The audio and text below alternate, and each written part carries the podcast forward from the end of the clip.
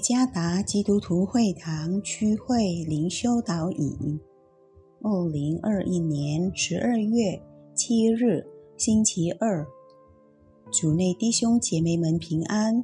今天的灵修导引，我们要借着圣经马太福音二十一章第一到十一节来思想今天的主题：荣耀上帝。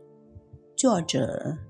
曾礼物牧师，马太福音二十一章第一到十一节，耶稣和门徒将进耶路撒冷，到了伯法奇，在橄榄山那里，耶稣就打发两个门徒，对他们说：“你们往对面村子里去，必看见一匹驴拴在那里。”还有驴驹同在一处，你们解开，牵到我这里来。若有人对你们说什么，你们就说：主要用它，那人必立时让你们牵来。这是成就，是要应验先知的话，说要对西安的居民，原文做女子说：看哪，你的王来到你这里。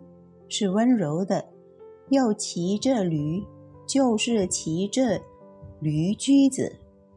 门徒就照耶稣所吩咐的去行，牵了驴和驴驹来，把自己的衣服搭在上面，耶稣就骑上。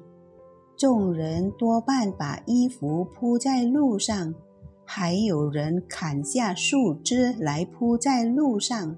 前行后随的众人喊着说：“和善呢？归于大卫的子孙，奉主名来的是应当称颂的，高高在上，和善呐！”耶稣既进了耶路撒冷，何城都惊动了，说：“这是谁？”众人说：“这是加利利拿撒勒的先知耶稣。”在传道工作中，我经常问年轻人有关他们人生目标的问题。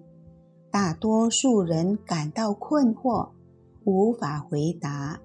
然而，也有人满怀信心地说：“我要活着荣耀神。”这种说法与里克沃伦在《人生标杆》一书中的解释一致。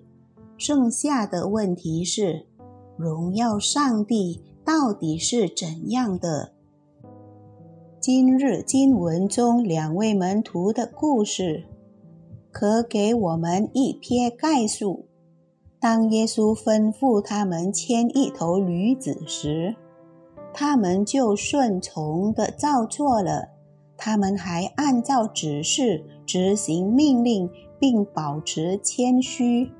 这项工作本身似乎微不足道，不受欢迎。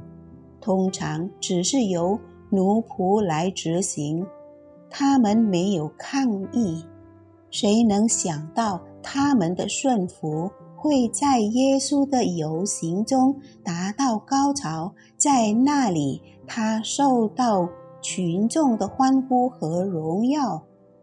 此外，他们被上帝看重和使用，以应验撒加利亚书第九章第九节和诗篇一百一十八篇二十六节中关于耶稣的预言。所以，荣耀神的关键是服从他的命令。衡量标准不是我们的行为有多大，或者。他们的影响有多大？即使是一个看似微不足道的行为，只要从充满我们心中的神的爱中满溢出来，必然有意义。是的，荣耀上帝不是为了赢得人们的赞美，而是为了取悦他。爱和顺服上帝促使行动来荣耀他的名。主耶稣赐福。